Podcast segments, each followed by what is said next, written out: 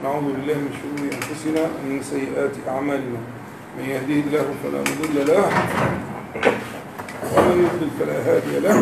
وأشهد أن لا إله إلا الله وحده لا شريك له. وأشهد أن محمدا عبده ورسوله. اللهم صل على محمد النبي وأزواجه أمهات المؤمنين وذريته وآل بيته. كما صليت على آل إبراهيم إنك حميد مجيد. أما بعد فنستكمل ما انتهينا إليه في المجلس السابق وكنا تطرقنا من بركات يوم عاشوراء إلى الحال الذي شكر النبي صلى الله عليه وسلم النعمة فيه وهو حال الإنجاء لموسى ومن معه. وحصلت مقارنة فرضنا مقارنة بين حال موسى عليه السلام ومن معه وحال قومه في هذا اليوم وبين حال النبي صلى الله عليه وسلم وأبي بكر في الغرب وقلنا أننا وجدنا فروقا بين الموضعين. قلت لك مرارا لا تبدأ في في فهم الآيات القرآنية إلا إذا تصورت السياق الذي جاءت فيه. يعني دلالة السياق في الآيات مهمة جدا في فهم فقه الآية ومرود الآية. السياق سيعيننا على إدراك الفروق بين بين الإيه؟ بين الحالين. السياق الأول أن موسى عليه السلام خرج مع قومه من مصر هروبا من ظلم فرعون وإلى آخره وأنه كان يصنع كذا وكذا ببني إسرائيل. فخرج فلم يكن له علم بما سيصنع ولكنه أمر بالخروج فخرج. خرج بالرجال والنساء والعجائز والأطفال وهم فقراء يعني ليس عندهم من الأموال. ما خرجوا إلا بأنفسهم. فلما اقترب من البحر اللي هو خليج السويس لما اقترب من البحر أبصر أصحاب موسى عليه السلام أبصروا فرعون وجنده أبصروا فرعون وجنده. ربنا تعالى يقول فلما تراءت الفئتان فلما تراءى الجمعان قال أصحاب موسى إنا لمدركون. يبقى هنا بيقولوا إن إن دي فيها حذف أصلها إننا يعني التوكيد يعني, يعني استخدموا القرآن عبر عن عندهم أنهم يؤكدون يعني إحنا مدركون مدركون يعني هي معناها كده. إننا مدركون يعني إحنا إيه خلاص. انتهى الأمر يا موسى. حكاية الهرب والخطط اللي اتعملت للهرب والكلام ده مفيش منها فايدة. ليه؟ البحر من أمامنا وفرعون من خلفنا. وما أدراك ما فرعون. ما في من الجبروت الظلم ولا كده فقالوا إنا لمدركون إننا مدركون. لا لا سبيل للنجاة. هنا موسى عليه السلام قال لهم إيه؟ قال موسى إيه؟ قال كلا. كلا دي بيسموها في كلام العرب كلمة ردى يعني إيه ردى يعني ردى ورد عنيف وقوي للكلام. يعني أنت لما تيجي واحد يكلمك كلام تقول له كلا وبعدين تبدا تقول له كلام بعديها فأنت بتبتدئ الكلام بأن ترد مقالته ردا عنيفا قويا بيسموها كلمة ردى يعني إنك أنت هترد الكلام ده الكلام ده لا يمت للواقع بصدق قال كلا. طيب كلا كان يتوقع إن هم يقولوا إيه؟ إن هو موسى عليه السلام يقول لهم لا الخطة كذا وكذا وكذا وهنعمل كذا وهنسوي كذا. ما أنت بتقول كلا بناء على إيه؟ أنت المراء المشاهد ها المعاين إن إحنا مدركون مدركون. فقال كلا فتوقع القوم أن يسمعوا منه إيه؟ الايه البيان. فكان بيانه إيه؟ إن معي ربي سيهدي. يعني طلع هو كمان مش عارف. يعني بس مش هم مش مش قوم موسى بس هم اللي مش عارفين اللي هيحصل إيه؟ لو لو فرض ان في نجاة كيف تكون النجاة؟ مش عارفين. هو نفسه كمان مش عارف. قالوا إن معي ربي سيهدي. إن معي ربي سيهدي. تمام؟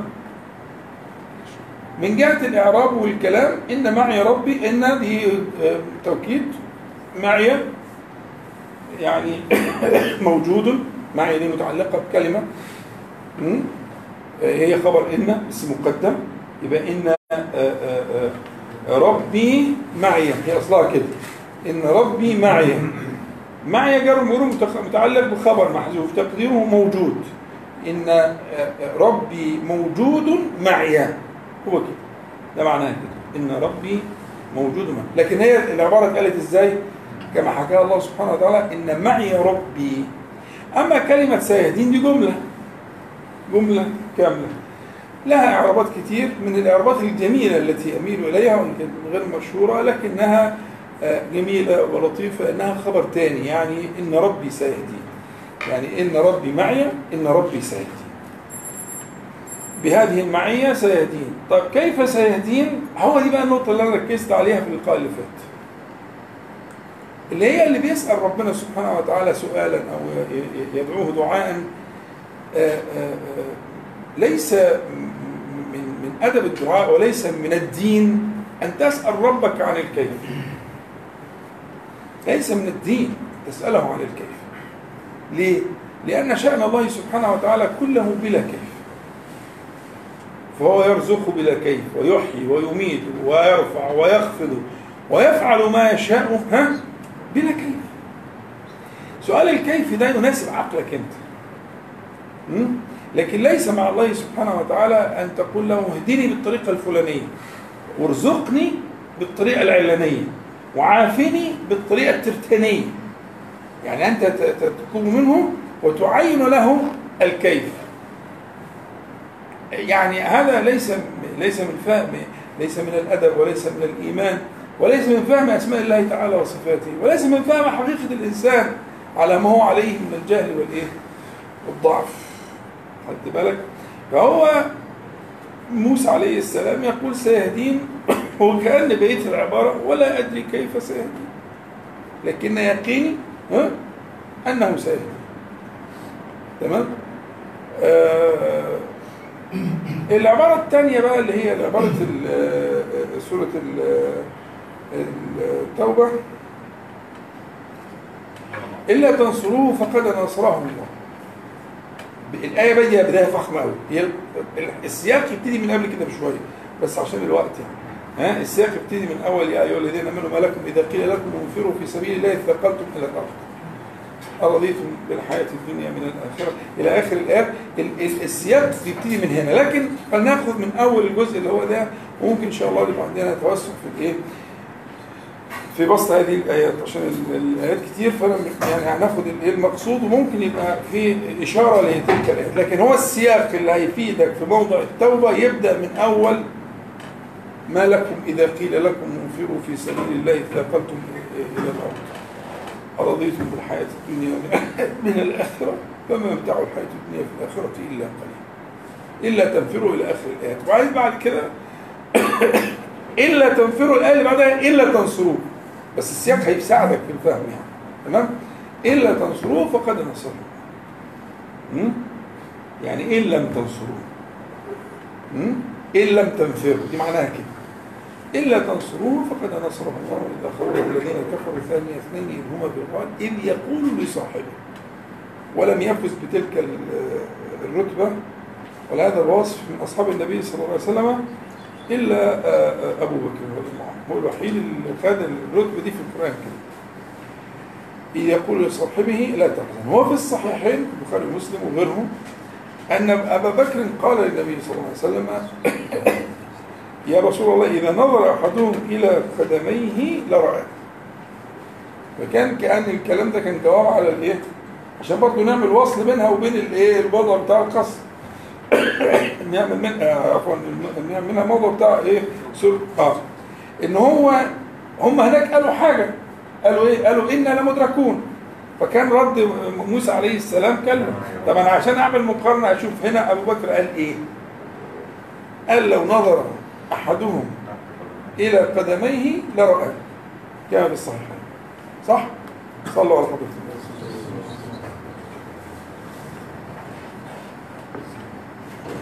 كلام زين. في فرق بين كلام أبي بكر وكلام الإيه؟ وكلام أصحاب موسى. إيه هو؟ كلام أصحاب موسى توكيد.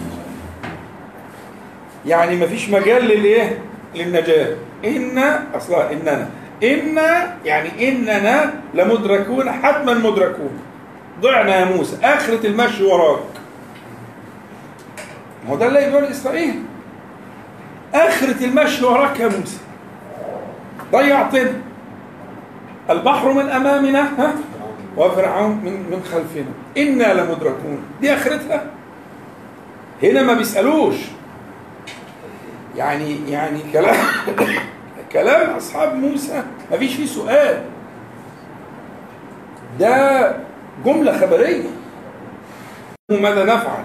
أو يعني كيف أحوطك وكيف أدفع عنك؟ لأن القصة كلها كانت كده. كان كل ما يخشوا مكان يخش هو الأول ويدخل ويشوف وشوية يمشي قدامه وشويه يمشي وراه ويمشي جنبه عن يمينه وعن يساره كل ما يتصور جهة يأتيه منها من منها ال ال ال الأذى. صلى الله عليه وسلم يصنع ذلك. فكانت الآخر حاجة في في الموضوع ده هو يقول له إيه؟ أول ما عبروا الناحية الثانية قال له اجعل لنا الها كما لهم آلهة. هم دول. خلي بالك عشان تفهم. يعني أنا مش أنا مش ظالمهم. أنا لست ظالما لهم. ده هم دول هم دول الأول ما عدوا. لسه شايفين الآية اللي ما فيش بعديها آية. واخد بالك؟ آية عيانوا عيانوا. آية ما بعدها آية. وعبروا وعدوا اغرق الله تعالى فرعون وراحوا الناحية الثانية وجدوا قوما يعكفون على فقالوا اجعل لنا. يعني هم دول. فهو عشان موسى عليه السلام عرفهم فاستخدم الردع معهم قال لهم ده يعني ردهم ردا عنيفا يعني؟ لكن الكلام مع أبي بكر رضي الله عنه مختلف. كلام مع أبي بكر كلام إيه؟ ها؟ آه. ما بالك باثنين؟ الله ثالثهما. فهنا تذكير بالمعية الإلهية وإلى آخره. ده اللي موجود في الايه؟ في الصحيح. واللي موجود في القرآن الكريم لا تحزن. هنا بقى لا تحزن هنا في نهي. نهي ينهاهم. هناك في ردع ورد هنا في نهي عن الحزن. هو طبعا مؤكد والمنصوص عليه أن حزن أبي بكر رضي الله عنه كان على خوف على النبي صلى الله عليه وسلم. هو لم يكن وكان يأتي بنفسه وبروحه. لكن لا تحزن يعني ما مر لا يصيبك بالحزن فإن الله سبحانه وتعالى معنا كما قال ربنا تعالى تبارك وتعالى في القرآن الكريم. إذا الفرق المهم كمان زي ما قلت لك إن هناك في التفات للربوبية وهنا في التفات للألوهية. فموسى ذكر الله تعالى بالربوبية. إن معي ربي. ونبينا محمد صلى الله عليه وسلم ذكر الله سبحانه وتعالى بالألوهية. والألوهية من العبد من العبد يعني إنها يعني كأنه يذكر نفسه ويذكر أبا بكر إننا في عبودية. نحن في عبودية الله تعالى ومن كان في عبودية الله تعالى فلا يحزن. مهما أصابه طالما هو في على على على الطريق يعبد ربه سبحانه وتعالى. ومسألة تقديم طبعا المعية وتأخير الخبر أو تقديم لفظ الجلالة وتأخير المعية برضو هذا من الفروق المهمة التي أشرت إليها. تقريبا هي دي أهم الفروق بين الحالين مع عدم الانتقاص من مقام الأنبياء والمرسلين. لكن إن كان لابد من الانتقاص فيبقى الانتقاص من إيه؟ من الصحبة من الصحبة والفرق الحقيقي إذا كنت عايز أن تبحث عن فرق فالفرق الحقيقي بين الآيتين هو في الصحبة. فصحبة موسى كانت صحبة يعني بها ما بها من العور وصحبة النبي صلى الله عليه وسلم هي خير الصحبة. بعد الأنبياء والمرسلين خير خلق الله بعد الأنبياء والمرسلين رضي الله عنه أبو بكر رضي الله عنه. فإذا الفرق في الصحبة صنع هذا الفرق في الإيه؟ في الكلام وفي العبارة مع طبعا مقام النبي صلى الله عليه وسلم وهو خير خلق الله تعالى وخير من عبد الله تبارك وتعالى. نرجع للمسألة طرحناها المرة اللي فاتت وعايزين نستكملها بشيء من التفصيل.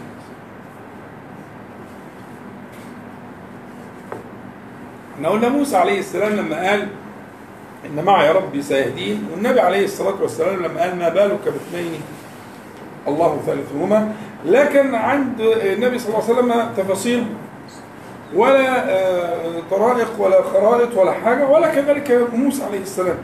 لكن هذا كلام اليقين اليقين على الله تبارك وتعالى.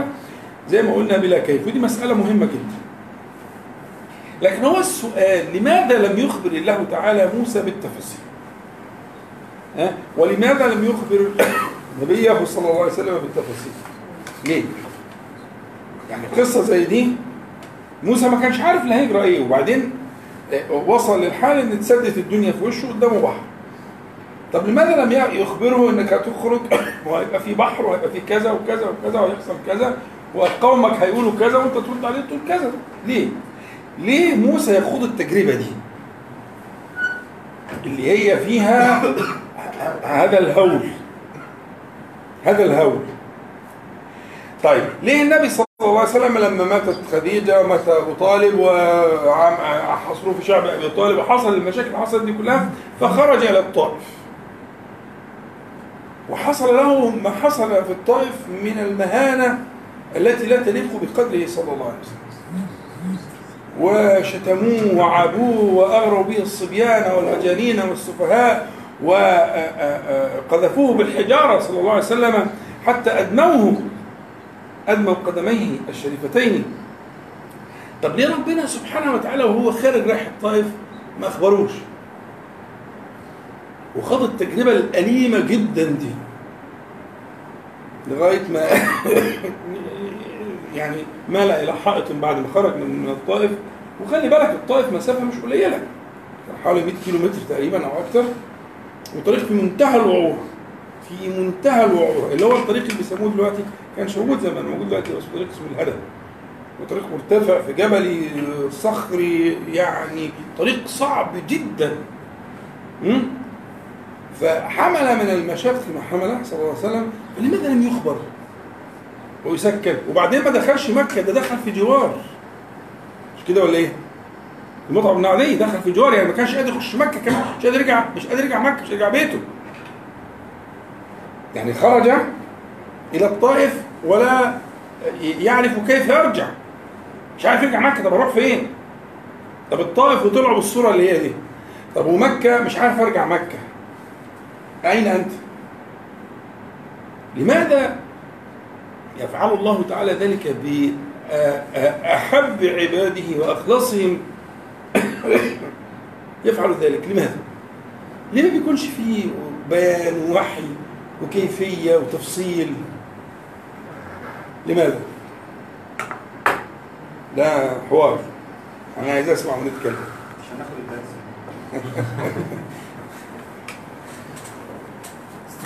لا مش دكتور دكتور محمد فاتت كان قال علشان عشان إحنا نتعلم إحنا كبشر نتعلم إن هو سيدنا محمد وسيدنا موسى كانوا بشر برضه. أيوه. وما كانش ما فيش ما فيش فرق ما بيننا وما بينهم يعني. أيوة. فلو هو تحمل المشقة دي المفروض إحنا نتحمل تمام. يعني الغرض نتعلم إحنا. طب مفيش غرض ليهم هم؟ هم هم. الأنبياء والمرسلون الأصفياء أولو العزم من الرسل. الكلام أنا بكلمك على على أولي العزم من الرسل على سيدهم وإمامهم وعلى موسى عليه السلام كلم الله. يعني مفيش غرض ليهم هم؟ مش مش ربنا كان بيربيهم برضه؟ مش دي مش دي مش من ربوبية الله تعالى. من مقتضيات الربوبية إن لما يصطفي عبد يربيه اصطفى عبدا والآن يربيه. ربنا كان بيربي موسى عليه السلام. ويربي محمد صلى الله عليه وسلم أفضل التربية واعلاها عشان صح زي ما تقولوا يكونوا قدوة بس هم نفسهم هم مقصودون في ذلك. عشان يترقوا. يترقوا في الإيمان عشان يوصل موسى ان يقول لهم كلا. بتقولوا ده كلام فاضي. طب إزاي ما أعرفش؟ اللي بتقولوا ده مستحيل. طب إزاي؟ طب ليه؟ ما أعرفش. لكن مستحيل ده يحصل. هذا ترقي. يعني هو ال ال ال ال الأنبياء والمرسلون مراد لهم أن يترقوا وبعدين أنت جالك في أكثر من موضع في القرآن الكريم. وربنا سبحانه وتعالى يبين كأن كأنها القاعدة. كأنها القاعدة. يعني ربنا سبحانه وتعالى مثلا آه، آه، في سورة ال- البقرة؟ يقول إيه؟ أم حسبتم أن تدخلوا الجنة ولما يأتكم مثل الذين خلوا من قبلكم؟ مستهم البأساء والضراء وزلزلوا حتى والذين آمنوا معه متى نصر الله؟ ألا إن نصر الله قريب. يا حكاية يعني هنا كلمة ال- الهمزة دي همزة إنكار. أم حسبتم هي أصلها أحسبتم يعني حسبتم هي هتعدي سهلة كده؟ حسبتم أن تدخلوا الجنة هي المراد الأعظم لكم ولما يأتكم مثل الذين خلوا من قبلكم مثل الأمم التي خلت من قبلكم حصل لهم مستهم البأساء والضراء ده تدرج. أنواع من أنواع الإيه؟ ما يصيب المرء والإنسان والجماعة من الجوع والنقص والمرض وال- والخوف. دي دي الأشكال. حتى بلغ بهم مسهم من الضراء والسراء حتى من من المصائب حتى يصلوا لايه؟ يزلزلوا يعني يزلزلوا دي كأنها كانت غاية غاية لمكان يبقى غاية لما إيه؟ بأساء وبأساء وبأساء ثم ضراء وضراء وضراء حتى يزلزلوا يبقى حتى الزلزال هنا مش مقصود بيه ان هم اللي هو زلزال الأرض ولكن زلزال النفوس؟ وزلزلوا إلى الغاية التي يقولون فيها متى نصر الله؟ وطبعا هنا في إشكال إن كيف آه، آه، آه، يقول الأنبياء متى نصر الله؟ واخد بالك؟ مقبول ده من بعض المؤمنين لكن ال- الأنبياء ومن على شاكلتهم من الأصفياء و- والحواريين لا يقولون متى متى نصر لا لا يقولونها كالمفهوم العام. يعني هي أصل هي معناها عند عموم الناس استبطاء. معناها إيه؟ استبطاء النصر. ها؟ لكن اللائق بهؤلاء أن تحمل على معنى استجلاب النصر استعجال النصر أو طلب النصر أو سؤال النصر. يعني مثلا مثلا هل يجوز أن تقول اللهم عجل بهلاك الظالمين؟ يجوز. لا بأس. لكن أن يغيب عنك معنى الاستبطاء أن تعلم أن الله تعالى جعل لكل شيء قدرا.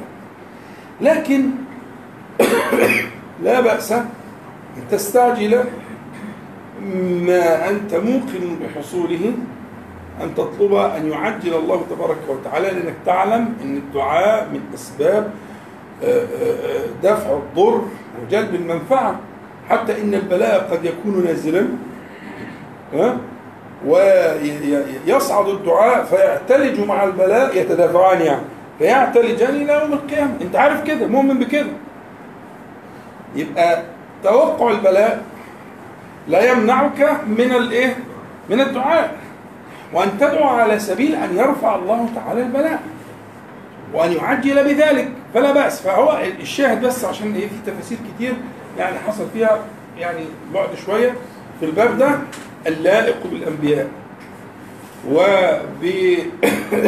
وبأصحابهم وحواريهم وأنصارهم أن يكونوا على المعنى اللائق اللي هو معنى استعجال نصر الله تبارك وتعالى وليس على معنى استبطاء النصر?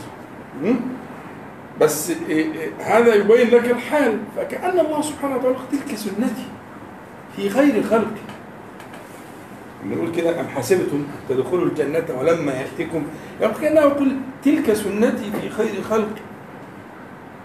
فافهموها جاي في القرآن في أكثر من موضع ها؟ أم حسبتم أن تدخلوا الجنة ولما يعلم الله الذين جاهدوا منكم ويعلم الصابرين؟ برضه موضوع تاني. نفس الفكرة. هي نفس الفكرة. هذا يعني كأنه استفهام فيه نوع من أنواع الإيه؟ ال- الإنكار. يعني إياك أن تذهب هذا المذهب واعلم أنها أنك لن تبلغ مراد الله تعالى منك إلا أن تبتلى وإلا أن تصبر وإلا أن تحسن الظن بربك سبحانه وتعالى? طب لغاية إمتى؟ لغاية إمتى؟ حتى لا تعلم. لو تعلم لو عندك علم قول إمتى. ماشي. بس أنت من الأول اتفقنا إنك لا تعلم. كيف يصلحك الله تبارك وتعالى ويصلح الأمة والناس. لكن أنت تفويضك لله سبحانه وتعالى وحسن ظنك بالله عز وجل بأسمائه وصفاته يجعلك على هذا التسليم. يبقى لو سألنا نفسينا لماذا لم يخبر الله تبارك وتعالى موسى عليه السلام بأنه سيحصل كذا وكذا؟ فيبقى المسألة ما فيش مفاجآت بالنسبة له. أنك هتخرج من مصر وكذا وعند البحر الدنيا هتقفل وهتلاقي فرعون تراه تراه أنت وهو. لماذا لم يقل له ذلك؟ قلت لك هذا من مقتضيات ربوبية الله تبارك وتعالى وأن الله سبحانه وتعالى يربي أولياءه. يربيهم ودي قاعدة لا تنخرم ولا بد منها لكل نبي ولكل أتباع نبي. وأنتوا إيه؟ أتباع خير نبي صلى الله عليه وسلم. صح ولا لا؟ قاعدة ده في موضع برضه شبيه بس موضع جامد يعني. في آخر سورة آه، يوسف? حتى إذا استيأس الرسل وظنوا أنهم قد كذبوا جاءهم نصر برضه حتى نفس حتى. هنا استيأس استفعلها بمعنى المبالغة. يعني بلغوا حد اليأس من انفراج الأمور. ومن إيمان الناس استيئاسة هنا معناها إيه؟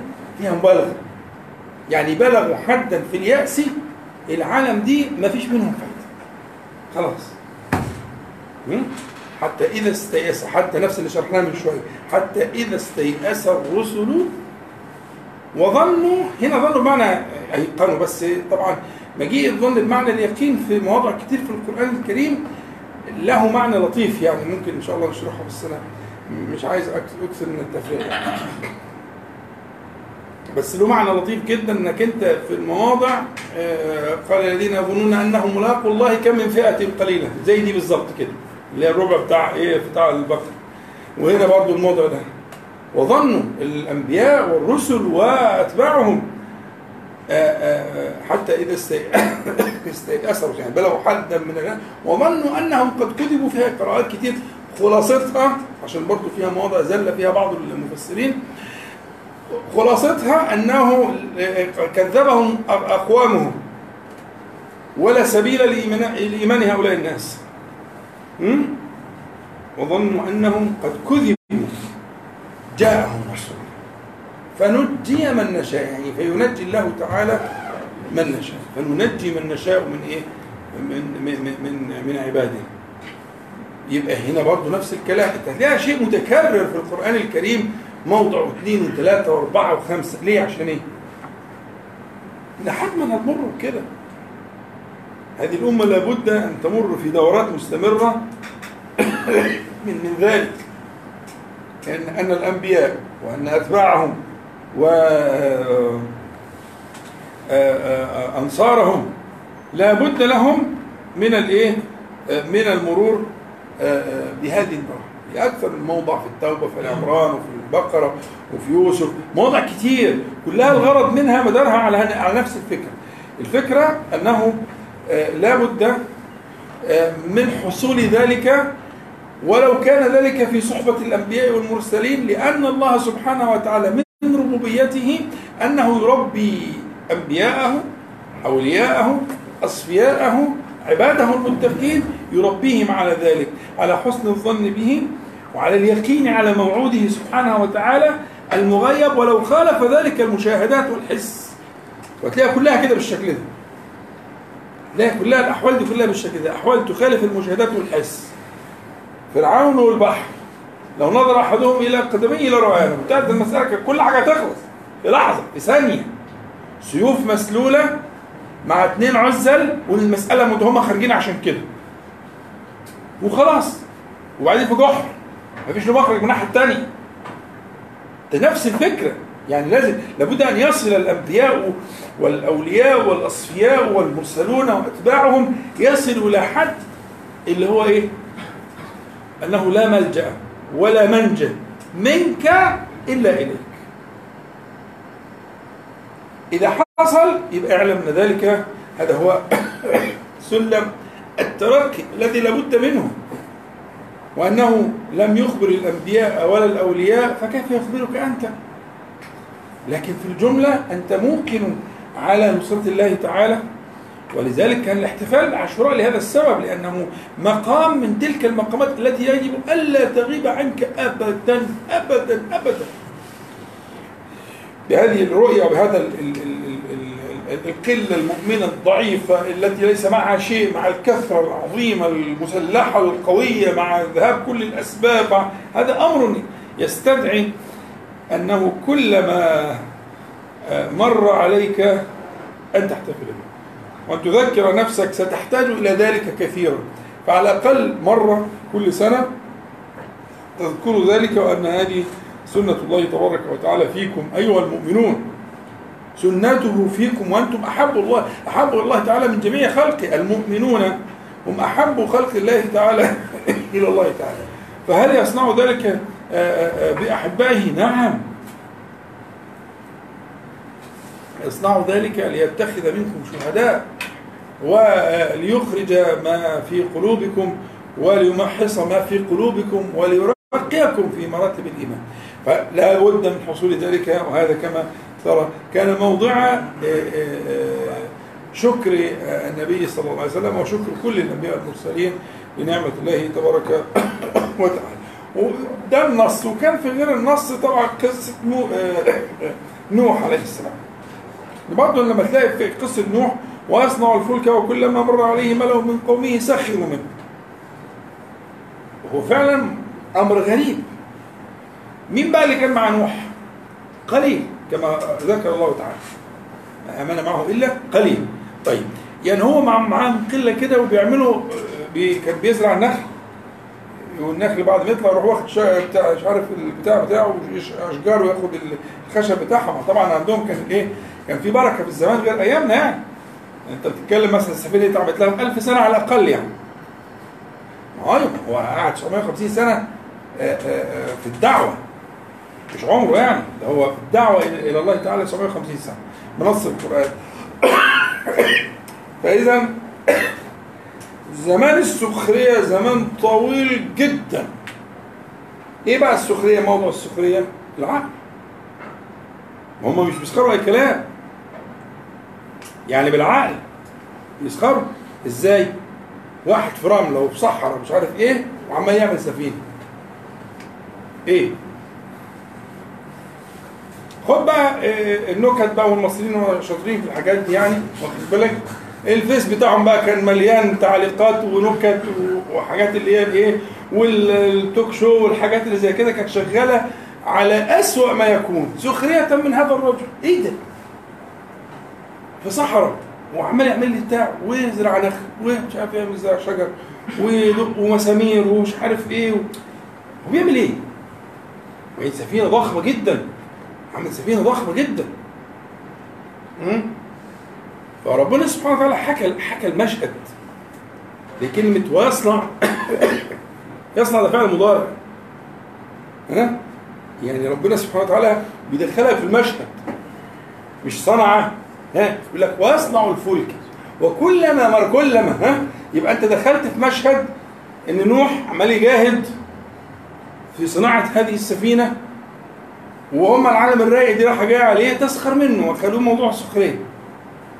انه إيه اللي انت بتعمله ده؟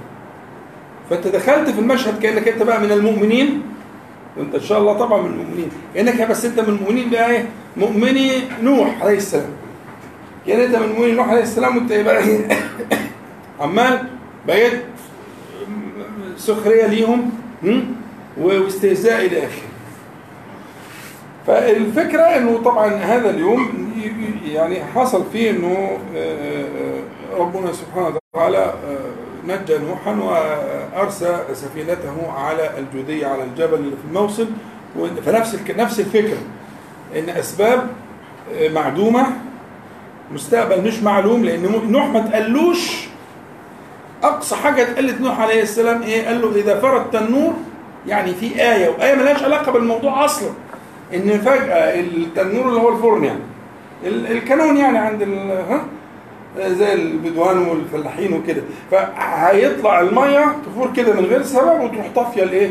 نار البتاع ده لما تلاقي الآية دي أسلك فيها ركب بقى الايه الازواج اللي انت قد اعددتها اركبوا في السفينة. طب إيه علاقة السفينة اللي هنركب فيها بتنور الط- الطفا مفيش مفيش كيف مفيش مفيش لماذا طب هو بيتعبد نوح بأشياء لا يعقلها هو مش فاهمها. كما تعبد موسى عليه السلام بنفس الطريقة وكما تعبد آه، محمد صلى الله عليه وسلم ومن قبله آه، آه، عيسى وام عيسى. هذه التعبدات مهمة جدا.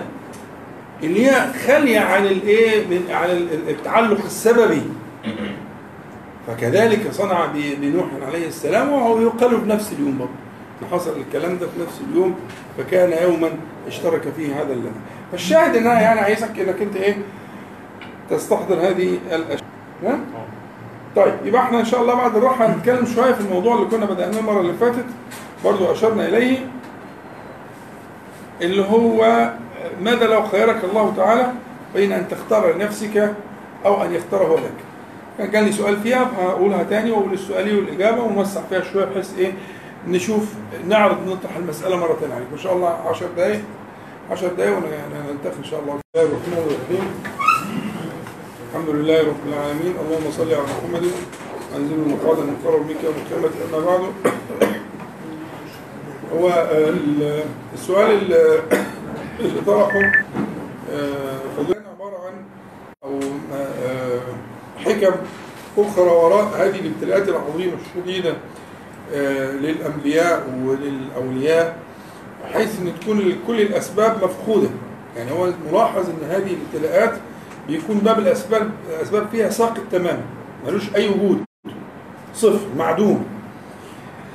فهل هناك آه، آه، حكم إلهية غير مكية؟ أو آه، آه، فاللي إحنا قلناه عبارة عن إن هو هو الترقي في مراكي الإيمان في رتب الإيمان. وكل على حسب ما أراد الله تعالى له يرقيه بهذا الإيه الباب من التسليم. ومن حسن الظن بالله سبحانه وتعالى ومن بلوغ الذروة النهاية القمة اللي هي ذكرناها في إيه؟ حتى إذا استيأس الرسل حتى يقول الرسول والذين آمنوا معه متى نصر الله الآخر. فهي حتى دي هي الذروة النهاية القمة اللي هي آخر نقطة في الإزازة. خلاص ما عادش دي حاجة خالص. إذا وصلنا لكده خلاص يجي الفرج لكن قبل كده لا.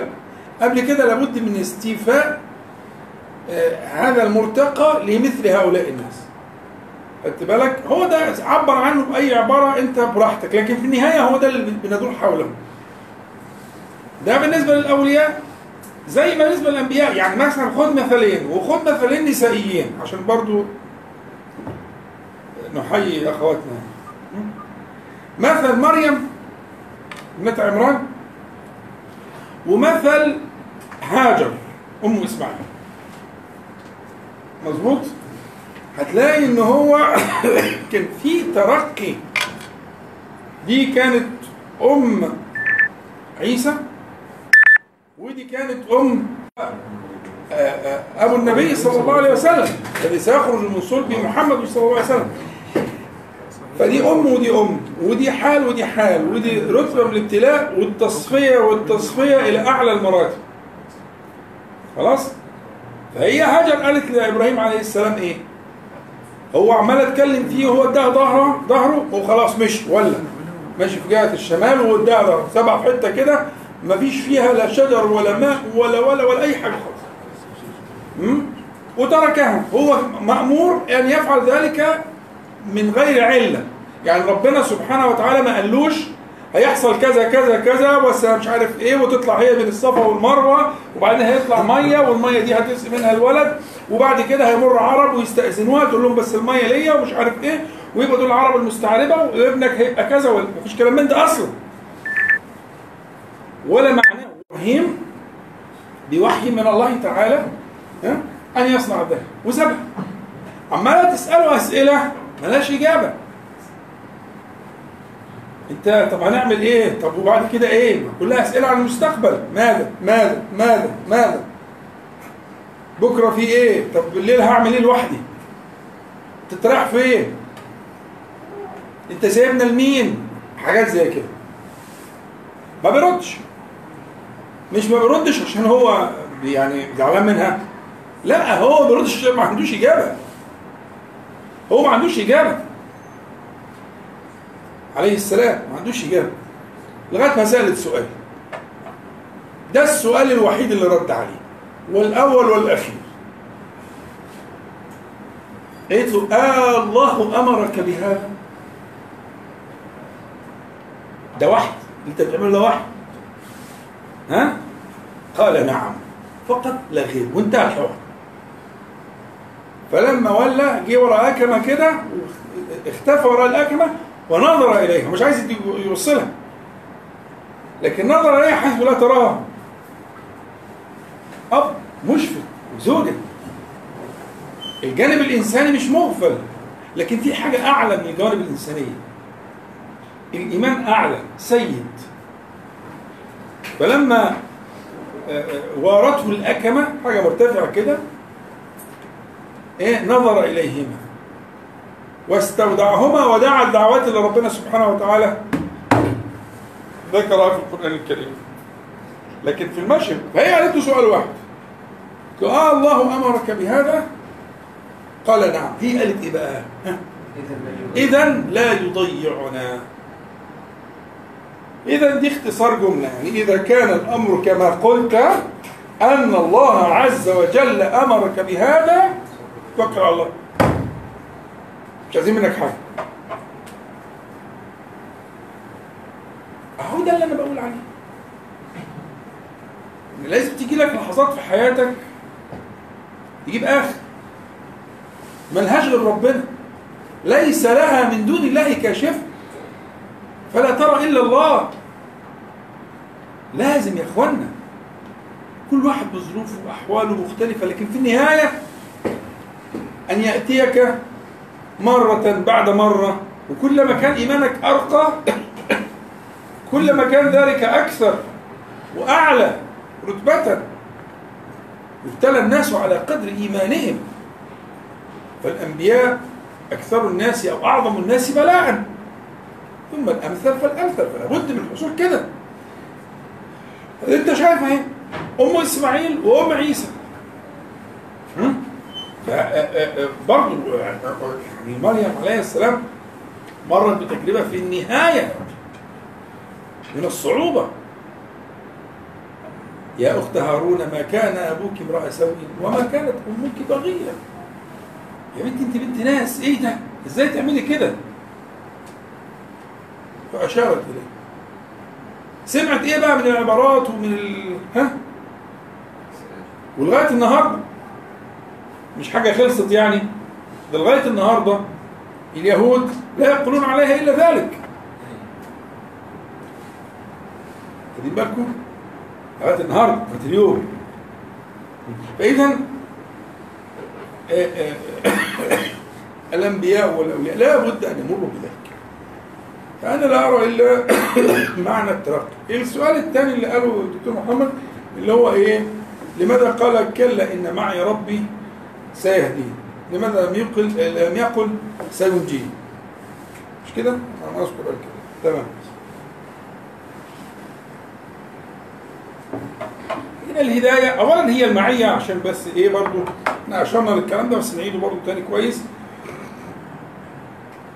ان معنى المعية هنا معية خاصة صح؟ يعني إيه؟ يعني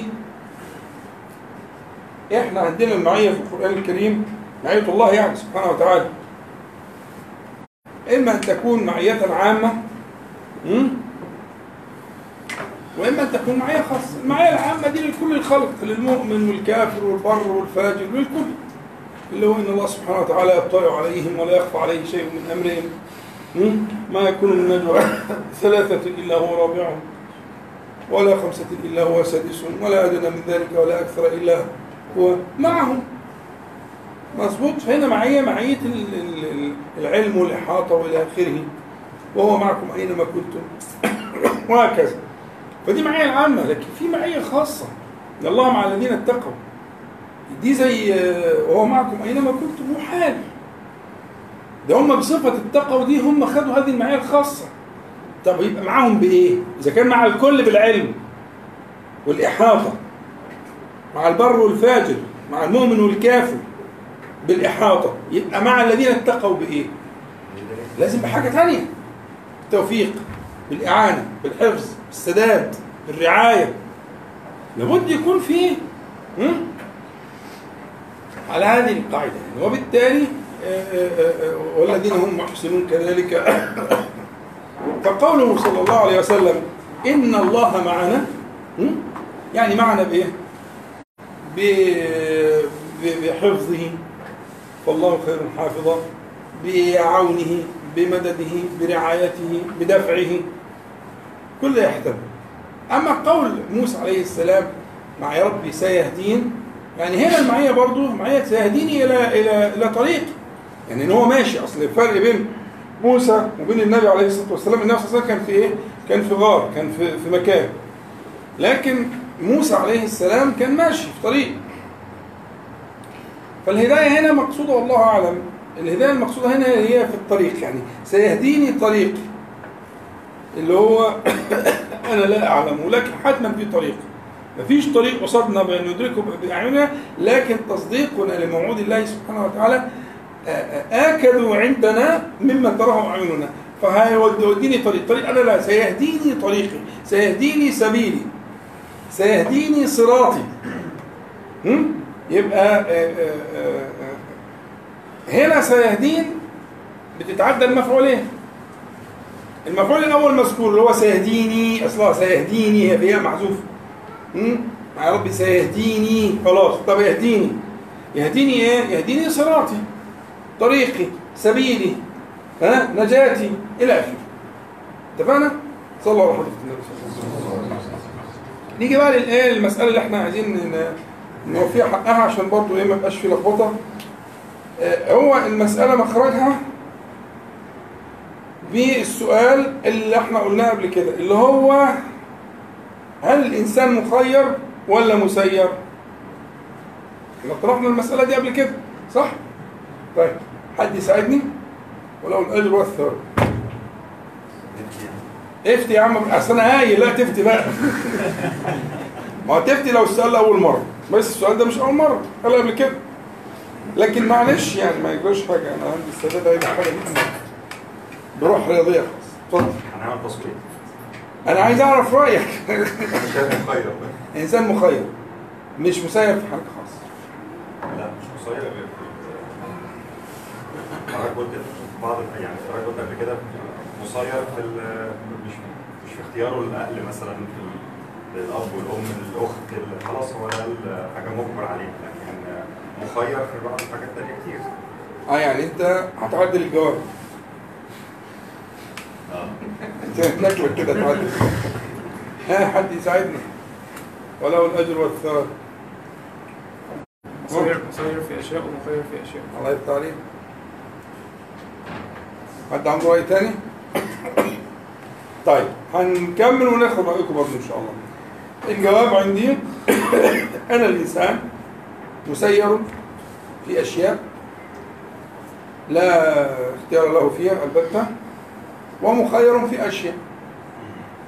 الأشياء اللي هو مسير فيها التي جبله الله سبحانه وتعالى عليها التي قهره الله تبارك وتعالى عليها ولا اختيار له فيها وهي الأكثر. هي الأكثر. وهناك أشياء خيره فيها وشريط ضيق كده من الخيار خيره فيه وهو محل ابتلاء ومحل الثواب والعقاب ومحل التكليف. فمن لم يكن أهلا للخيار يسقط عنه التكليف. زي مثلا ما بلغش صغير ومات وهو صغير.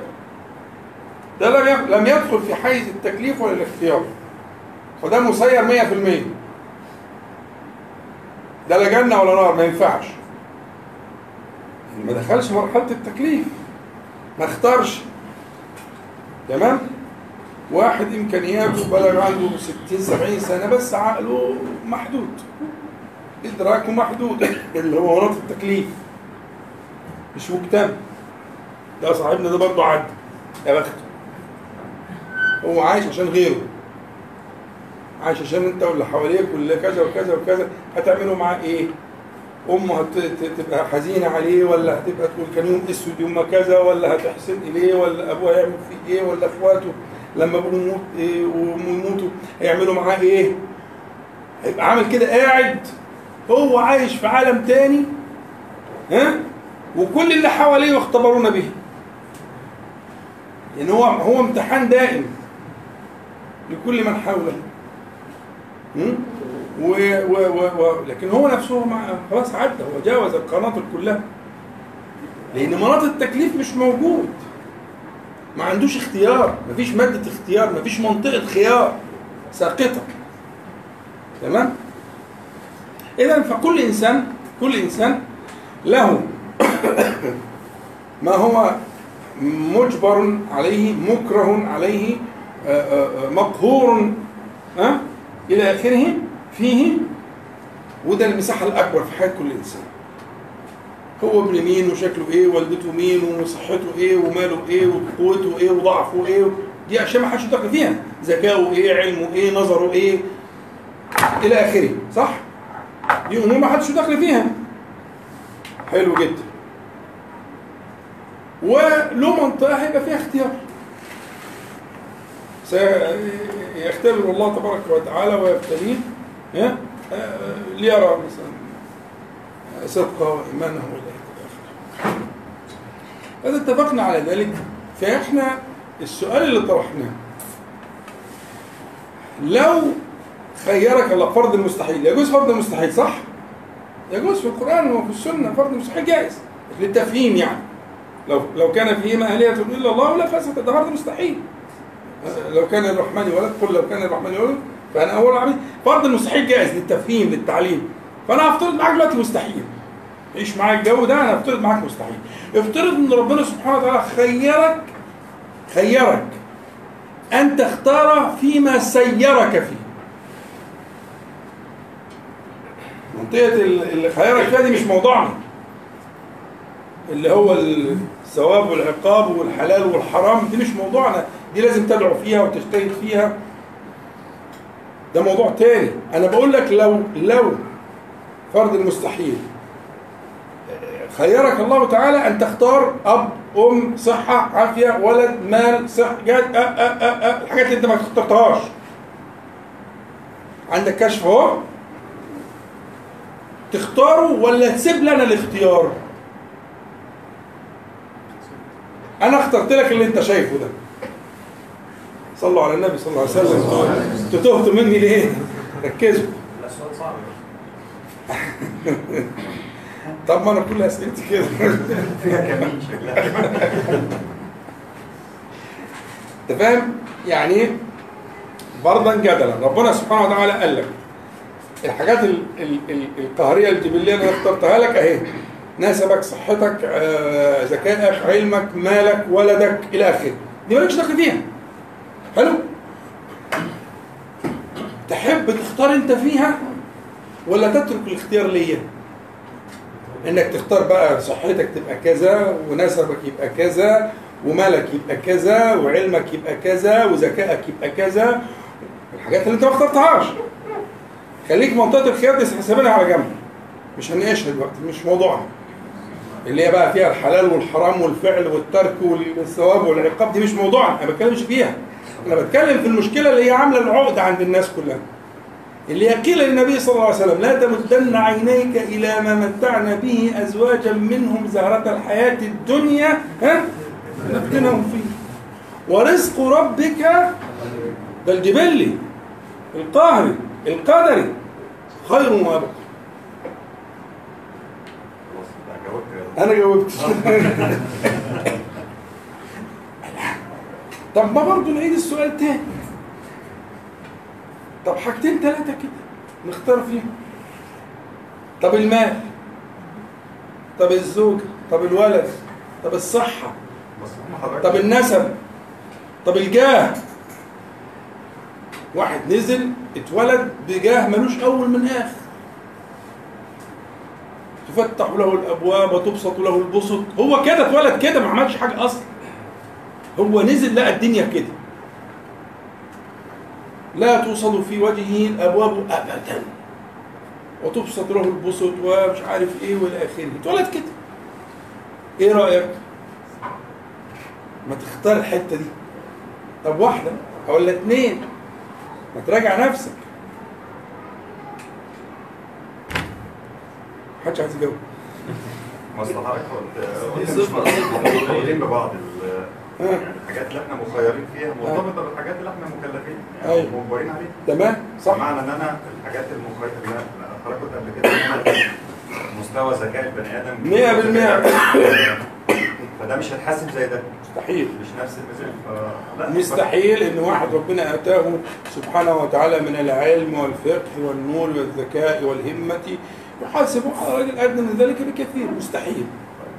كل إنسان سيحاسبه ربه سبحانه وتعالى على ما آتاه. ولذلك لا يحاسب يوم القيامة اثنان معا ابدا حتى لو كانوا توأم. مش هناخد اتنين مع بعض عشان ننجز. لا والله سريع الحساب تلاقوش كل واحد وكلهم آتيه يوم القيامة فرد. لأن كل واحد له حساباته مختلفة. مفيش اتنين زي بعض. مفيش اتنين رزقهم من العلم والصحة والفهم والإدراك والجاه والنسب. واحد مستحيل. مفيش وبالتالي كل واحد سيأتي منفردا. يأتي بميزانه يأتي بما آتاه الله سبحانه وتعالى وحاسبه على ما آتاه ويكلمه ربه? فإذا إجابة السؤال محدش عايز يرضيني الصحة. ها؟ الصحة. صحتين شغال يقول دلوقتي السؤال فرضا ماذا لو خيرك الله فيما سيرك فيه ها إذا الصحة أو أو تقصد بيها الصحة البدنية يعني؟ الصحة البدنية عارفين آه. المرض آه. آه. الإنسان بمرض أو آه يعني كنت هتختار دي يعني. ف أنا المفروض إيه لا خد راحتك أنا ما بخوفكش. والله ما بخوفك. ده أنا مبسوط إنك انت نطقت يعني. كل عالم بيقول لك عايز ما أنت كويس اتكلمت حد يونسني في الكلام؟ كويس. إذا خيرت يعني. آه كنت هتختار بند وتسيب بقى كله ربنا وتختار أنت في الصح. آه ما مرضش بقى. ما تمرضش خالص. انت مية مية. والله العظيم انت. ربنا يبعتك ليا طب حلو قوي اتفضل. يا دكتور يعني الإجابة الشرعية يعني الإجابة الشرعية الواحد هيقولها اللي هي ربنا يختار لنا كل حاجة. بس الفكرة سلوكنا ما بيدلش على كده. مفيش التفويض ومفيش ال- التوكل والرضا باختيار ربنا لينا. ف- فيعني دي الإجابة الشرعية ودي الإجابة ال- الغير شرعية الواحد يعود يوصل لها يعني. ماشي اتفضل. هو حضرتك يا دكتور بس أنا مقتنع إن الحاجات اللي, اللي إحنا مسيرين فيها دي في جزئية منها إحنا مخيرين فيها. زي زي إديني مثل. زي الزوجة مثلا ما أنا مختار. لا لا مش الزوجة فيها اختيار طبعا. بس أنت ممكن. طول بالك عليه بس اصل دلوقتي في إذاعة على الهواء وفي ناس جوه. خلي الليلة تعدي على خير. عن ناس تانية. الناس الوحشين الناس التانيين إحنا أحسن ناس الحمد لله. أنت ممكن تاخد كل أسباب الاختيار وبعد كده تاخد أكبر مقلب في حياتك عند الناس التانية مش عندنا. أنت ممكن تاخد كل أسباب الاختيار. وسألت وعملت وسويت ودرست وخدت فيها ماجستير. خلاص؟ وخلاص بقى. وبعد كده ينكشف الغطاء وترى شيء آخر. ده مش بايدك بقى. ده جبلي. ده قهري. ده جبري. ده مرتقى من مرتقيات الإيمان. خد بالك؟ فانا أقصد كده.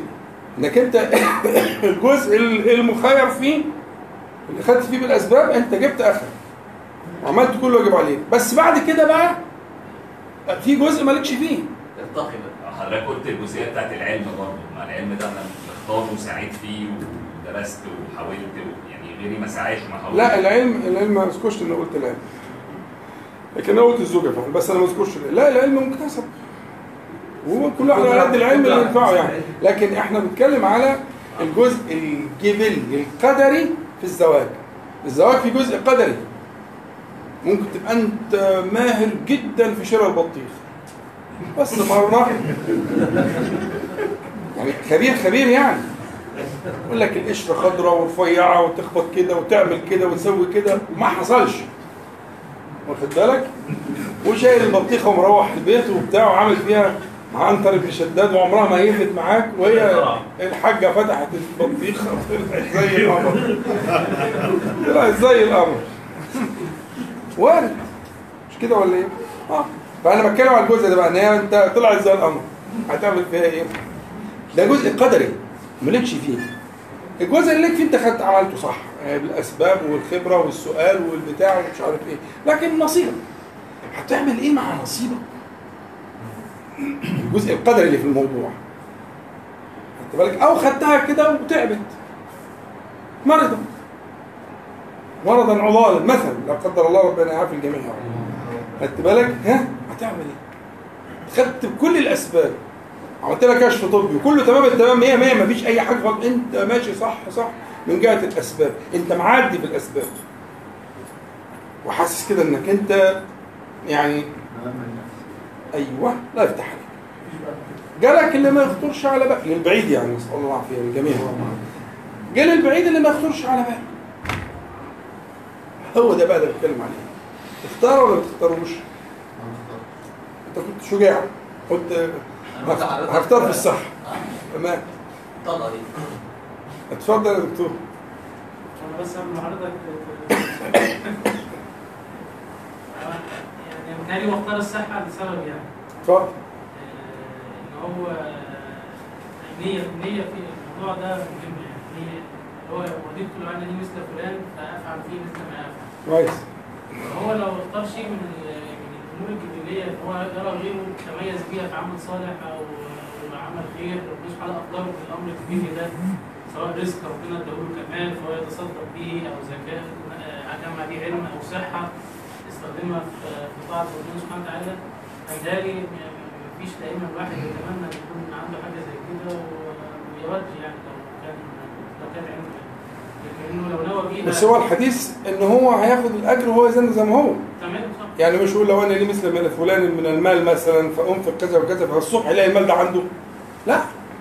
إحنا بنتكلم ان هيتغير الحال. أنا بتكلم لكن هو ربنا سبحانه وتعالى هيؤجره على نيته. يأجره على نيته. فنيته الحلوة دي هياخد في مقابلها أجر كأنه عمل بالظبط.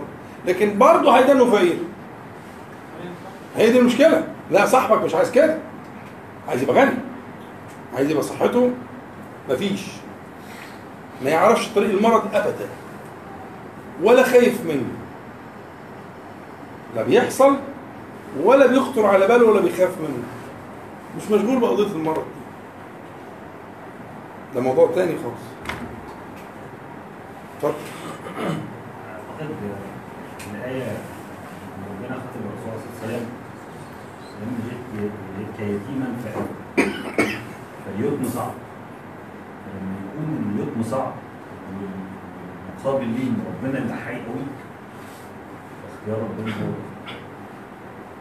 طيب جاوب بقى دي مقدمة. الجواب. تختار ولا مش هتختار؟ هترفض إنك تختار لنفسك. خالص. حد عنده كلام تاني؟ هو طبيعي إن أنا مثلا نازل أشتري عربية وأنا ما بفهمش في العربيات كويس فباخد حد في بيفهم في العربيات فأنا يعني وأكيد ربنا سبحانه وتعالى أعلم بحالي أكتر وأكتر وأعلم بحال الناس كلها. هو هو هو أكبر واحد إن هو يختار كل واحد الصح. تمام. تعربت الفكرة كده. مش في جملة لو طلع ابن آدم على الغيب؟ اختار الله. آه يعني دي زي حكمة كده يعني. دي زي حكمة بس مش اثر يعني تمام. طب صلوا على حضره النبي حد عايز يقول حاجة قبل ما نجاوب؟ طيب اتفضل في أصلا حديث النبي صلى. الله عليه عليه الصلاة والسلام. نهايه الحديث الصحابه سالوا الرسول صلى الله عليه وسلم فيما العمل اذا يا رسول الله قال كل ميسر للمسلم كويس. فهي اقدار الله سبحانه وتعالى فيها وعالم العبد يعني ما من رحمه الله سبحانه وتعالى في اختياره سبحانه وتعالى له. يعني بما اراد الله سبحانه وتعالى يعني أنت معايا الفريق طيب أنا مع الفريق اللي هو ال- حضرتك بتتكلم في السؤال الأول مش؟ هيختار يعني ولا هيختار؟ نعم؟ هتختار ولا مش هتختار؟ لا مش هختار مش هتختار طيب صلوا على حضرة النبي هو الموضوع ببساطة آه، زي ما قال باشمهندس تامر كده هنبحث على مؤهلات الاختيار الاختيار ده له مؤهلات زي ما قال كده أنا مثلا عايز أشتري عربية أو اشتري- بيت أو حاجة زي كده أروح لواحد دايس السوق فاهم الدنيا كويس قوي وأمين وصادق ومش عارف إيه وأقول له آه، اختار العربية المناسبة أو السكن المناسب وكل ما كان ده أخبر وأوسع آه، علما واطلاعا كل ما كان آه، يعني مطلوب أكتر وحتى لو هدفع له فلوس؟ حتى لو أديله أجرة على السمسرة والاختيار بس أثق في أمانتي وصدقي وعلمي وسعة اطلاعي وخبرتي ومش عارف إيه. فأنت بتفكر في مؤهلات الاختيار. أنت لما تختار في صحتك هناخد الصحة اللي ده الجواب الوحيد اللي اتقال. ماشي؟ أنت لما تختار في صحتك تختار بناء عن علمك. المحيط بالحاضر والماضي والمستقبل. وعن بقيه صفاتك لكن علم صفة أساسية اللي هو المؤهل ليك في الاختيار. فلو أنت نظرت في مسألة الصحة واختيارك للصحة أنك أنت لا تمرض ابدا مين قال إن ده ما يصيبش الإنسان بما هو أضر من المرض؟ لو واحد يأمن المرض تماما خلاص بقى انتهى أنت خدت عهد من ربنا سبحانه وتعالى. مفيش مرض. مين قال إن الشخص ده لا يصيبه ما هو أشد من المرض؟ وارد ولا مش وارد؟ ده مش وارد ده مؤكد. اللي دارس طبيعة الإنسان وفجور الإنسان؟ يحلف يمين بالثلاثه إنه لازم سيصيبه من الآفات ما لا يعقله العقل لو أمن المرض. وأنه لا يصيبه المرض ابدا. إنه في مأمن منه. ستصيبه من الآفات ومن الأمراض التي تؤثر على سلوكه وعلى حياته ما لا يعقله العقل. بالعكس ده المرض شيء مصلح جدا للإنسان. وأعظم دليل على كده أنه أمرض أحب الخلق إليه. صلوات الله وسلامه عليهم أجمعين. ما فيش ما فيش نبي ولا رسول ما مرضش. عشان يقول وإذا مرضت ها؟ أمال إيه؟ حالة ضعف والحاجة والفاقة إليه سبحانه وتعالى؟ الفقر هو اللي يغني والمرض هو اللي يشفي والضلال هو اللي يهدي. لكن لو كنت في أمان من ذلك لأصابك من العجب ومن المرض ما هو فوق المرض. عبوديتك يا ابني لابد شرطها أن تكون منكسرا بين يدي الله تعالى في حاجة أبدا إليه. هم؟ أنت بتطلع النفس ما أنتش عارف هتاخده ثاني ولا لأ. أنت أنت محتاج أنت فقير إليه. في أنفاسك. مش تقول لي في في أنفاسك. فالشخص اللي هيأمن من المرض وياخد عهد كده صك ان هو مفيش مرض ده سيصيبه ما فوق المرض بكثير. ولن يقف على عتبة العبودية والافتقار إلى الله تعالى في حال الضعف والمرض. ده دي من أحوال العبودية إن ربنا سبحانه وتعالى يمرضك ويضعفك فيلجئك سبحانه وتعالى فيوقفك ببابه جل جلاله. فيتحرك لسانك. وتسترقي وتستشفي وتدعوه. دي عبودية. فأنت عارف أنت بتعمل إيه؟ أنت بتقفل باب من أبواب العبودية. باب كبير جدا من أهم الأبواب التي لا يخلو عنها بشر ولا نبي ولا رسول. فأنت بتطالبه أن يغلق عليك بابا من أوسع أبواب العبودية. باب الضعف والمرض. مش هعبدك بالباب ده. دي بلوى دي داهية. بس هو جزاه الله خير بصراحة إن هو كان عنده الشجاعة إن هو يتكلم. أنا نفسي يكونوا كده. كلهم ينفع نقول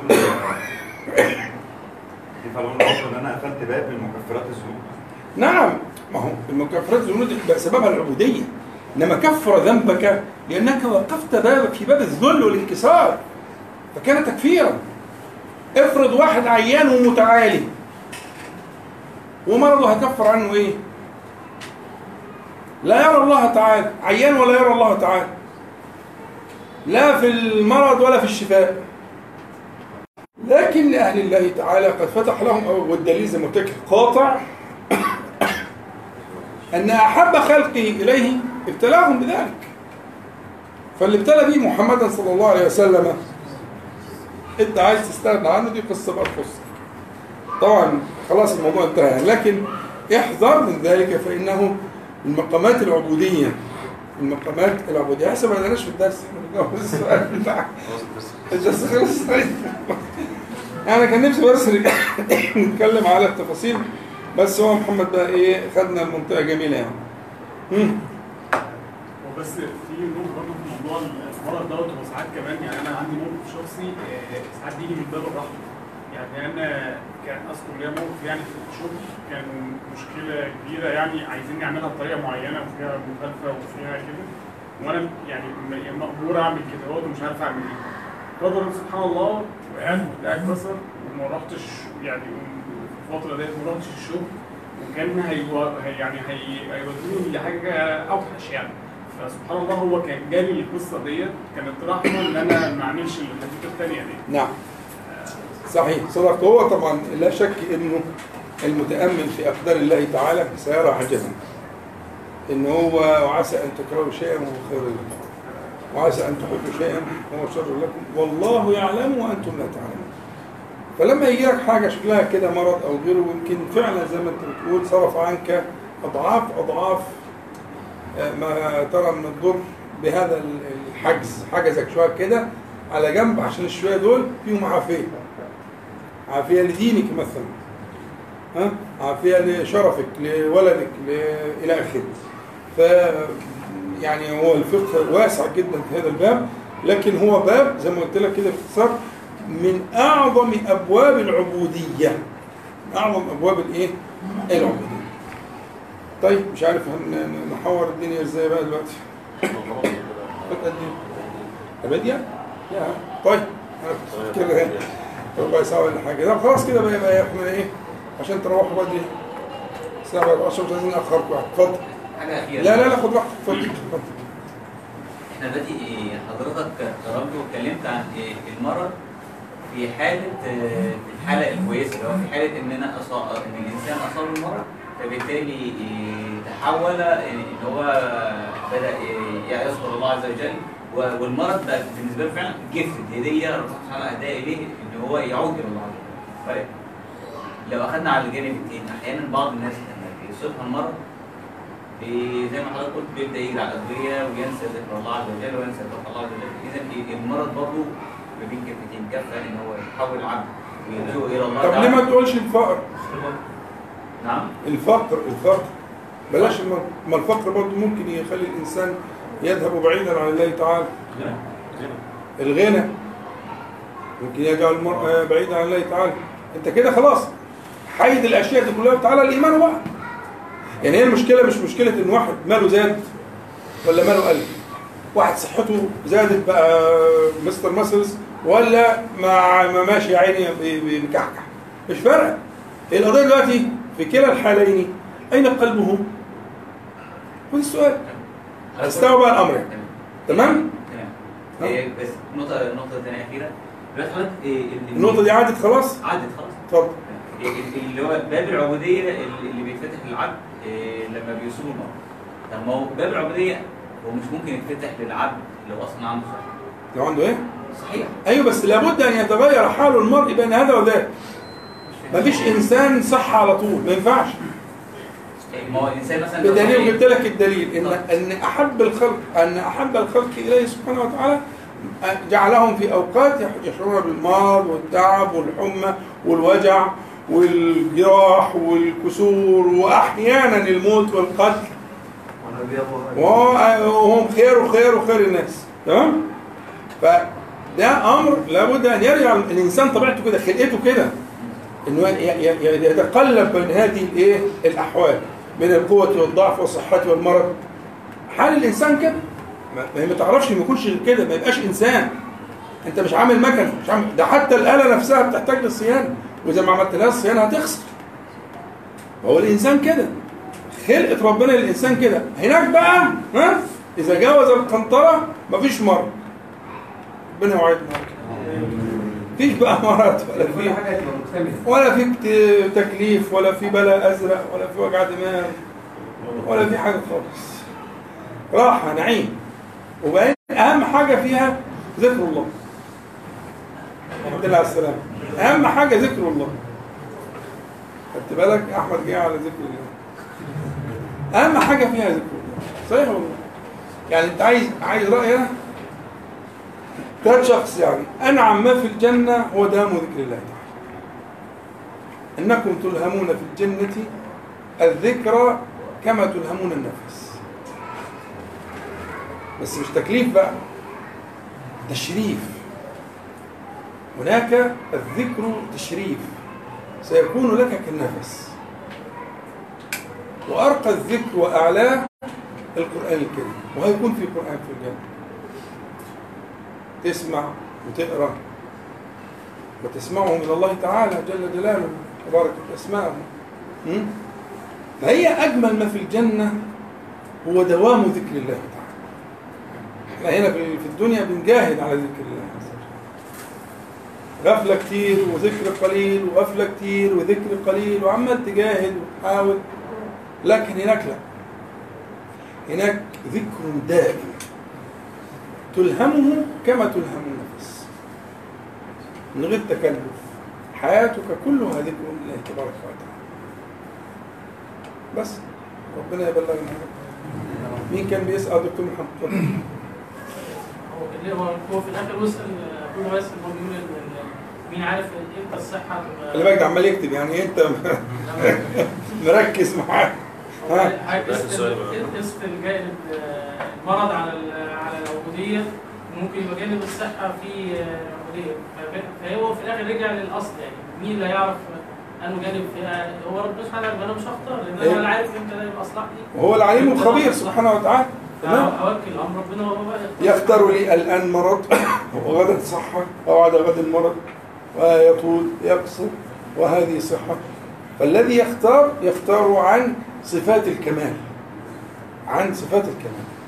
صفات الكمال العلم. أولا تمام؟ وبعدين الحكمة. وبعدين الرحمة. كل ذلك في الكمال في الغاية من الكمال. فالذي اختار لك اختارك لك عن علم محيط وعن حكمة بالغة وعن رحمة واسعة وسعت كل شيء. خليك في الثلاثة دول بس شوية كده. هما طبعا في تاني بس. خليك في الثلاثة دول. اختار لك من صحة ومرض أو من غنى وفقر. أو من كذا وكذا ها؟ اختار لك عن علم محيط وحكمة بالغة ورحمة واسعة وسعت كل شيء أنت عايز إيه؟ أنت عايز إيه يا محمد؟ أنت عايز إيه؟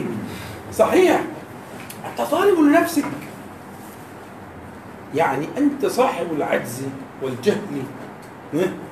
يختار على صاحب العلم والقدرة حاجة غريبة جدا. ده انت لو هتشتري بيت ولا هتشتري سيارة بتدور على مين الناصح اللي عارف اللي مدقدق الدنيا اللي حافظ اللي مسوي؟ عشان غلبان زيك برضه إنسان ضعيف زيك. لكن انت شايف إن هو يزيد عنك شيئا ما في الإيه؟ في العلم والخبرة والبتاع. وبتروح تسلم وراه وتبصم وراه. فاللي إحنا بنقوله ده يا اخوانا كما أكرر دائما هو فرع عن آه، عن معرفة أسماء الله تعالى وصفاته هو دي الغاية غاية الغايات والنهاية النهايات لأي علم وأي درس وأي حاجة في الدنيا ال- ال- ال- الحاجة دي لو نافعة صالحة آية صلاحها? وآية نفعها ها؟ أن تأخذ بيديك إلى أسماء الله تعالى وصفاته الحاجة اللي ما توصلكش لربنا ما فيش فيها بركة. اسمعوا كلامي. ما تضيعش وقتك في كلام ملوش أي لازمة. العلم الدرس الحاجة السعي الصدقة الجهاد. اللي ما وصلكش لربنا بأسمائه وصفاته لا بركة فيه. والله لا بركة فيه. ولا نفع ولا فائدة سيبك منه. ولو لقيت سكة موصلك لأسماء الله تعالى وصفاته للدلالة عليه شعبط فيها البت فيها موت نفسك عليها. لأن كل العلوم اللي تشوفينها دي ربنا سبحانه وتعالى خلقها ها للدلالة عليه النحو الصرف الطب الهندسة الميكانيكا البتاع كل ده عشان يدلك على الله تعالى. الفقه كل كل كل الغرض هو الغرض واحد. من أجله خلق السماوات والأرض وخلق العلوم والأموال وال- وال- والناس والشعوب والدنيا دي كلها. خلق ذلك كله للدلالة عليه جل جلاله بأسمائه وصفاته. فالمعيار اللي تقيس بيه أي حاجة أي علاقة إنسانية زوجتك أصحابك أصدقائك عملك درس بتحضره إيه، حاجة بتقراها كتاب أي حاجة. الدلالة المعيار المقياس الذي تقيس عليه ذلك هو ما- يدلك هذا الشيء على الله تعالى. بأسمائه وصفاته. إذا إذا إذا وجدت من ذلك ما يحملك إليه ما يحقق إيمانك بأسماء الله تعالى وصفاته. هو ده هذا الذي تبحث عنه. فعض عليه عض عض فعل أمر عض عليه بنواجذك عض عليه استمسك به. لا تفرط فيه. هو الغاية من القرآن الكريم ومن السنة ومن الفقه ومن العلوم ومن الحديث. والدنيا دي كلها من ده كله إيه؟ هي غاية واحدة. كل ذلك ليدلك عليه. إزاي؟ بذاته أن لك. يدلك عليه بماذا؟ بأسمائه وصفاته. فلن يتعرف أحد على الله تعالى إلا بأسمائه وصفاته جل جلاله. خلاص. الحاجة اللي هتاخد بإيدك إليه من فعل أو من قول أو من صحبة أو أو أو هي هي. استمسك بها اتفضل. دكتور لو حضرتك قلت لنا مثلا لو واحد مثلا اتولد عنده جاه ومنصب ومش بتقفل دونه ابواب كده فممكن ده يكون سبب في إن هو يظلم ناس كتير إن هو يبقى عنده طغيان أو إن هو شايف نفسه متكبر أو كده. فبيعيش ويموت كده. يعني زي مثلا أبناء الملوك اللي بيمسكوا ملك في آخر حياتهم وبيموتوا يعني بيتوفوا على كده. ممكن يجي يوم القيامة يقول يا رب طب أنت لو كنت انشاتني في بيئة متوسطة كان ممكن أطلع مش ما عنديش تكبر ما عنديش ظلم. واعبدك زي ما بقيت الناس كانت بتعبدك يا رب. نفس الكلام برضه لو مثلا واحد نشأ في بيئة كافرة في بلد كافرة لكن هو كان جواه خير لكنه ما عرفش الإسلام وهو عايش ومات من ما يعرف الإسلام. إحنا إحنا بنشوف ناس يعني لما بيخشوا الإسلام بيقولوا أنتوا كنتوا فين من آه، من بدري ما جيتوناش من بدري ليه؟ ده أبويا مات وكان راجل كويس قوي لو كان شافه كان هيؤمن بالإسلام على طول كان يخش الإسلام على طول. فأنا أنا قصدي بالسؤال يعني إن ممكن اختيار الله للعبد ممكن العبد يجي يعترض عليه يوم القيامة يقول يا رب ما ما أنا لو كنت انشأت في زي فلان أو زي بيئة تانية غير البيئة اللي أنا نشأت فيها ممكن حياتي كلها تختلف وما ما تكتبش كمية الذنوب أو نوع الذنوب ال- الكبائر اللي أنا ارتكبتها في الدنيا زي الملوك أو زي الناس اللي كانت طاغية أو زي الناس اللي مخير في الذنوب اللي وصلت الفكرة أنا يعني في واحد أنا قصدي الانسان ممكن يتولد في نظام النظام ده والله وصلت. معين. أقسم بالله وصلت الفكرة جزاك الله خير بس هتبقى تالت مرة تعيد السؤال السؤال أنا فهمت خلاص.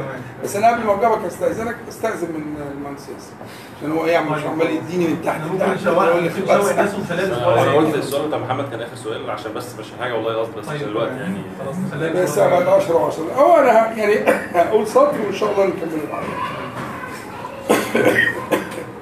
ربنا سبحانه وتعالى في غير موضع من كتابه ومن سنة النبي صلى الله عليه وسلم يعلمنا ويبلغنا وما كنا معذبين حتى نبعث رسولا.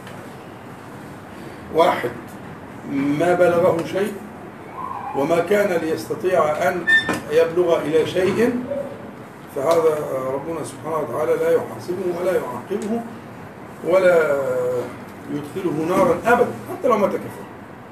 إن شرط الحساب أن يبلغ المرأة الحجة الرسالية بلوغا صحيحا احفظ الكلمة دي عندك بلوغ الحجة الرسالية بلوغا صحيحا غير كده ما في حساب. يخشوا مع ناس اسمهم أهل الفترة كما قال الله تعالى في سورة المائدة على فترة من الرسل. يعني على انقطاع من الوحي. الفترة اللي حصل فيها انقطاع من الوحي دي الناس دي هتتحاسب إزاي؟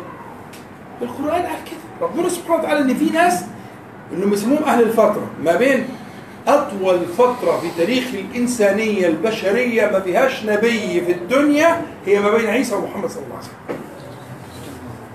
خلاص؟ أكثر من ستة قرون. ما فيهمش نبي. الفترة دي حصل فيها سوداد للدنيا. ليه؟ مفيش اتصال بين السماء والأرض. وحصل فيها أجيال. ورا أجيال ورا أجيال مفيش أي بيان ولا دلالة من السماء إلا الأديان المحرفة بقى ها؟ الشرك والى آخره طب دول حكمهم إيه؟ أهل العلم. يقول هؤلاء يسمون أهل الفترة على اختلاف بقى بتقديرات العلماء لكن في النهاية مش أهل النار. دول أهل الفترة يختبرون في العرصات يعني في ال في ال في البتاع. يكونون كذا يكون لكن في النهاية ليسوا من أهل النار. ها؟ لأنهم احفظ بقى العبارة. لم تبلغهم الحجة الرسالية بلوغا. ها؟ صحيح. العبارة دي ريحك قوي ناس كتير جدا في أوروبا وأمريكا وأمريكا الجنوبية والصين ومش عارف إيه ما سمعوش أصلا عن الإسلام ولا التوحيد ولا عندهم الأدوات ولا الإمكانيات إنه بيسمعوا ولا يعرفوا ولو أرادوا ما ما استطاعوا. كل دول من أهل النار عبث! ده واحد مجرم بيقول كده عشان يعمل إسقاطات على المسلمين. ده واحد مجرم. وسيرى من الله تعالى ما يستحق. محال يا ابني محال! الملايين المليارات اللي موجودين في العالم والصين والهند والدنيا دي كلها ولا سمعوا عن الإسلام ولا يعرفوا معناه وانت عندك فيديوهات موجودة دور! واحد واقف في ال underground في في, في البتاع في, في أستراليا ولا مش عارف فين ويسأل الناس عن الإسلام والله بأذني وبعيني رأيتها. اللي يقول له دي ماركه عربية اللي يقول له دي مش عارف أكلة في إيطالية اللي يقول له مش عارف إيه وصف إسلام وصف إسلام. يقول له دي ديانه من الديانات ال- الهندوسية. أقسم بالله وعشرات وناس آه، لابسين وبتاع و- مية مية. ومش أنا مش بقول لك أنت رحت مثلا مجاهل إفريقيا ولا رحت الأمازون؟ أنت في أستراليا. واخد بالك؟ ما سمعش عايشين في جو ملذات وروع وفي فيديو زي كده في اليابان برضه نفس الكلام. مش عارفين ما يعرفوش عنه حاجة ما يسمعوش عنه. ولا يعرف يوصل ولو اراد ما استطاع. حتى لو أراد ما استطاع ما عندوش الأدوات إنه يوصل لحاجة زي كده. أترى ربك سبحانه وتعالى بحكمته ورحمته يدخله النار؟ حال يا ابني. ده في القرآن مش كلام أنا. وما كنا معذبين حتى ها؟ نبعث رسولا والكلام إن شاء الله الضروري الحصه الجايه نوسع فيه وندي أمثلة كتير جدا من القرآن ومن السنة والأدلة وكلام أهل العلم على أهل الفترة وأنواعهم إلى آخره إن شاء الله المرة الجاية. عشان كده ياسر بعد كده هيشد سكينة النور. تمام؟ طيب نسأل الله تعالى أن ينفعنا جميعا بما كنا سمعنا وأن يجعل حجه لنا لا علينا رب العالمين. اللهم صل على محمد. انزل المقام المكرم منك يوم القيامه والحمد لله رب العالمين. نقول جميعا سبحانك اللهم ربنا وبحمدك. أشهد أن لا إله إلا أنت. أستغفرك وأتوب إليك. السلام عليكم ورحمة الله